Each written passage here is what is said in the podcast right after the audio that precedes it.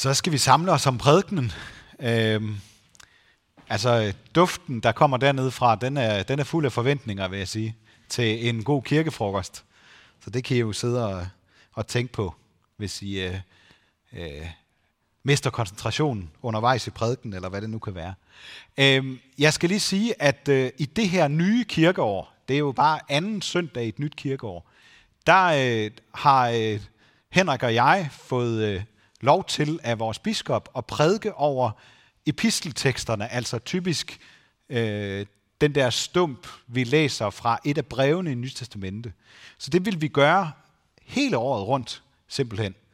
Øh, så det er derfor, vi har hørt fra Gamle Testamente og fra, øh, fra evangeliet. Og nu vil jeg så læse fra øh, Paulus brev til menigheden i Rom.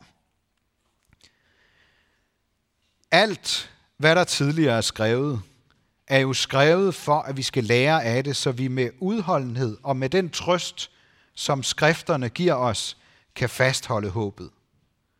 Udholdenhedens og trøstens Gud giver et og samme sind, sådan som Kristus vil det, så I enigt med en mund lovpriser Gud, vor Herre Jesu Kristi Far. Tag derfor imod hinanden, ligesom Kristus har taget imod jer til Guds ære. Amen. Lad os bede en bøn sammen.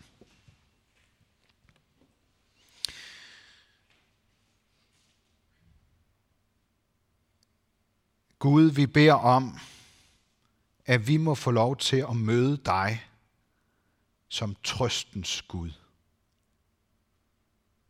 Amen.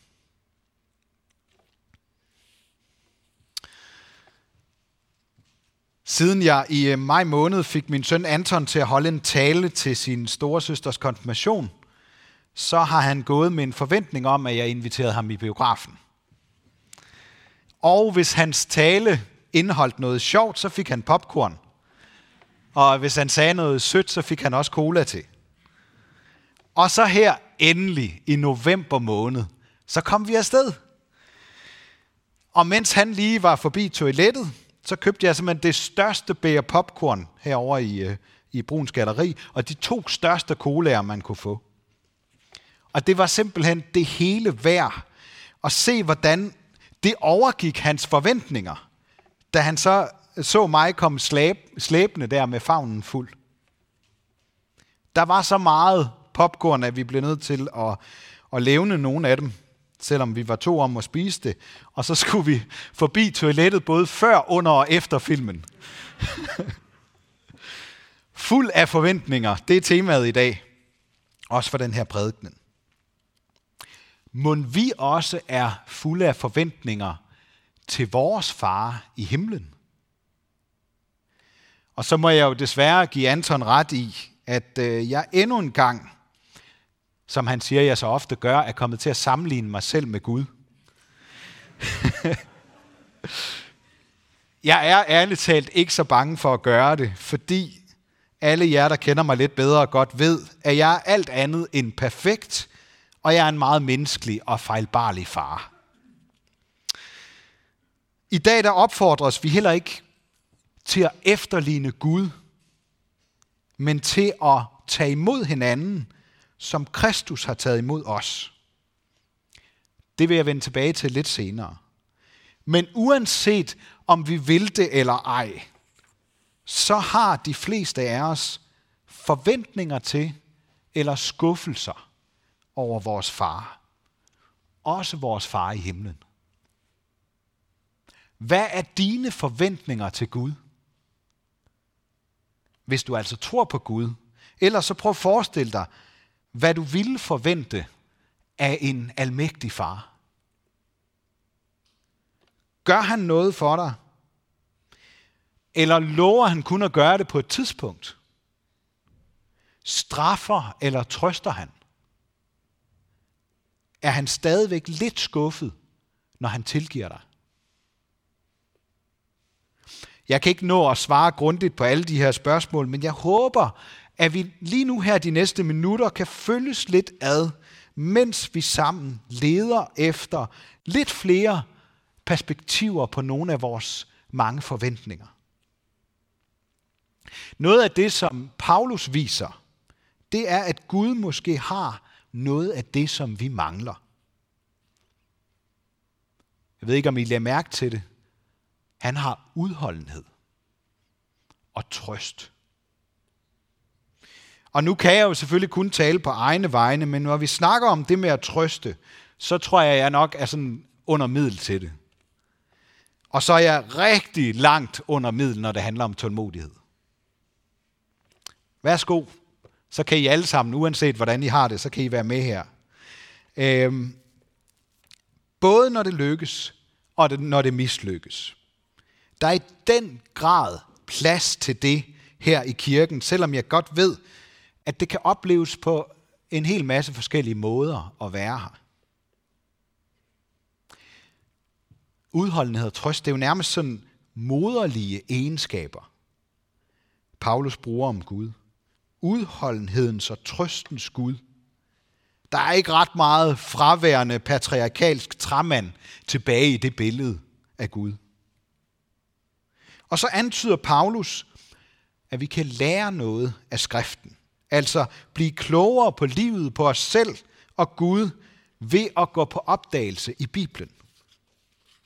Men så fortsætter han med at fortælle, at det er gennem udholdenhed og trøst, at vi fastholder håbet. Udover at vi ofte netop mangler udholdenhed og evnen til at trøste, så får Paulus sagt ikke så lidt mellem linjerne. For trøst, hvornår giver det mening med trøst?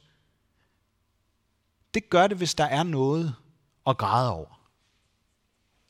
Og udholdenhed, det afslører, at der altså er noget ved livet, der er hårdt.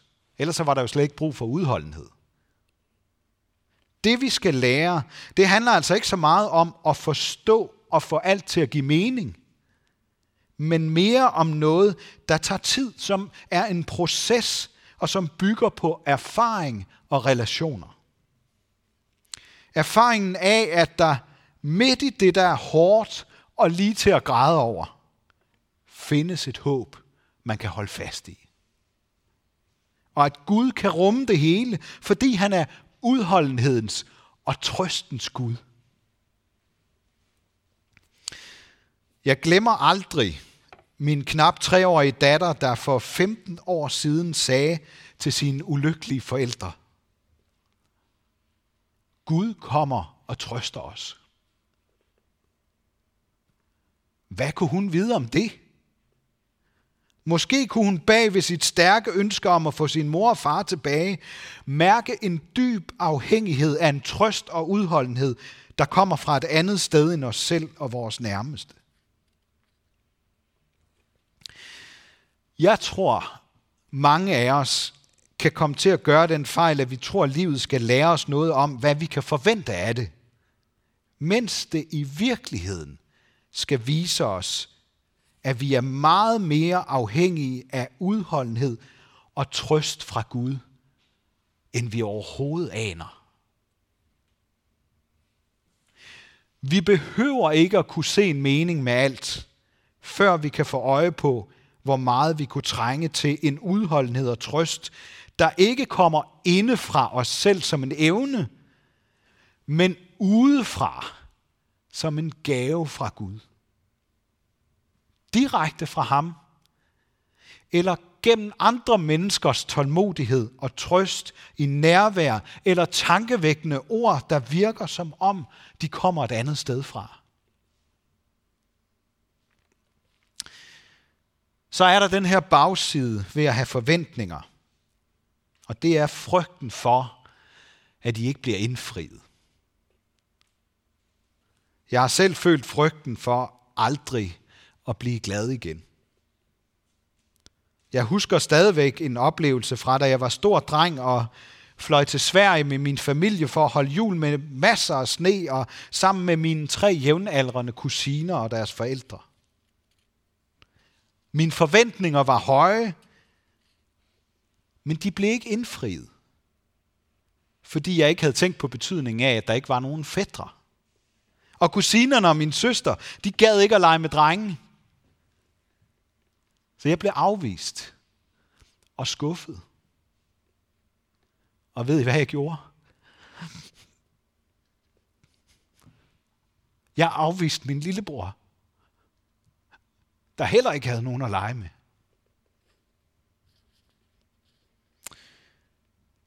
Jeg har lavet mig fortælle, at vi alle, altså alle mennesker, har en eller anden grundfrygt, der viser sig som glimt i vores livshistorie, hvis vi kigger efter. Og der er noget, der tyder på, at min og sikkert også andres er frygten for at blive afvist. Der kan ofte ligge en frygt for noget andet, når vi har forventninger til Gud. Tænk, hvis han ikke tager imod mig. Frygt og forventninger. Det værste og det bedste. At blive afvist eller taget imod. Jesus advarer flere gange om, at der vil komme en tid, hvor det bliver sværere, og vi skal kæmpe mere for det gode. Men samtidig så siger han, at vi skal blive ved med at tage imod hinanden med forventning, og ikke med frygt. Vi skal heller ikke frygte for Gud, selvom den tanke ikke ligger så langt fra os mennesker. Ret jer op, løft jeres hoved, for forløsningen nærmer sig. Er Gud død, kan vi nogle gange tænke, når det hele virker, som om det går af helvede til. Ja, han døde, og han blev ramt af den straf, vi ellers skulle have gået og frygtet for. For få dage efter at opstå og skabe en forventning om, at vi en dag skal opstå og blive taget imod af den Herre, vi har sat vores håb til i livet her på jorden. Jeg så engang en øh, film, der bygger på en sand historie om hunden Hachiko fra Japan, der i årvis blev ved med at gå hen til den samme togstation for at tage imod sin herre, som var død flere år tidligere. Den blev bare ved med at komme, dag efter dag. Hver eneste morgen, så kom den derhen. Fuld af forventninger, men måtte så skuffet vende hjem igen, når det blev mørkt. Og i dag, der står der en statue ved den togstation, som forestiller den her hund, der viste sin herre ubegribelig stor trofasthed. Sådan kan vi også opleve det i relationer, vi har i livet, eller i forhold til Gud. At vi bliver skuffet. Det er risikoen ved at have forventninger. Men spørgsmålet er, om et liv helt uden forventninger og drømme er lettere. Vi opfordres i dag til at sætte håbet som et banner, som vi kan se, når vi rejser os op og løfter hovedet. Især når livet er en kamp, så har vi brug for at få øje på håbet, der flagrer et sted midt i kampen og bliver holdt oppe af andre end os selv. Og i sidste ende står og falder vores livs kamp med, om det håb holder. Det gør det, hvis vi har Jesus som vores Herre i vores liv. For så er det ham, der holder korsets banner højt i vejret, så vi hele tiden kan se det. Det er i virkeligheden Jesus Kristus selv, der tænder adventslyset og minder os om, at han kom og vil komme for at hente os, når vi skal herfra, som vi også beder i den afsluttende bøn efter nadvånd. Og så tilbage til det med at tage imod hinanden, som jeg lovede. Kristus har taget imod jer. Som Kristus har taget imod jer, skal I også tage imod hinanden til Guds ære. Det er sagt til os alle sammen, men især til de stærke af os. Fordi det er så svært at tage initiativ, når man selv er svag og har mistet modet, og måske ligefrem ligger ned. Ofte så er vi nødt til selv at spørge om hjælp, når vi har det svært. så meget vigtigere er det, at man bliver taget imod, når man rækker ud. Skal vi ikke komme hinanden i forkøbet? Og tage imod hinanden, fordi vi selv er blevet taget imod og ved, hvor meget det betyder. Der vil nok altid være en risiko for, at nogen ikke føler sig taget imod, fordi vi kun er mennesker, der kan komme til at overse hinanden.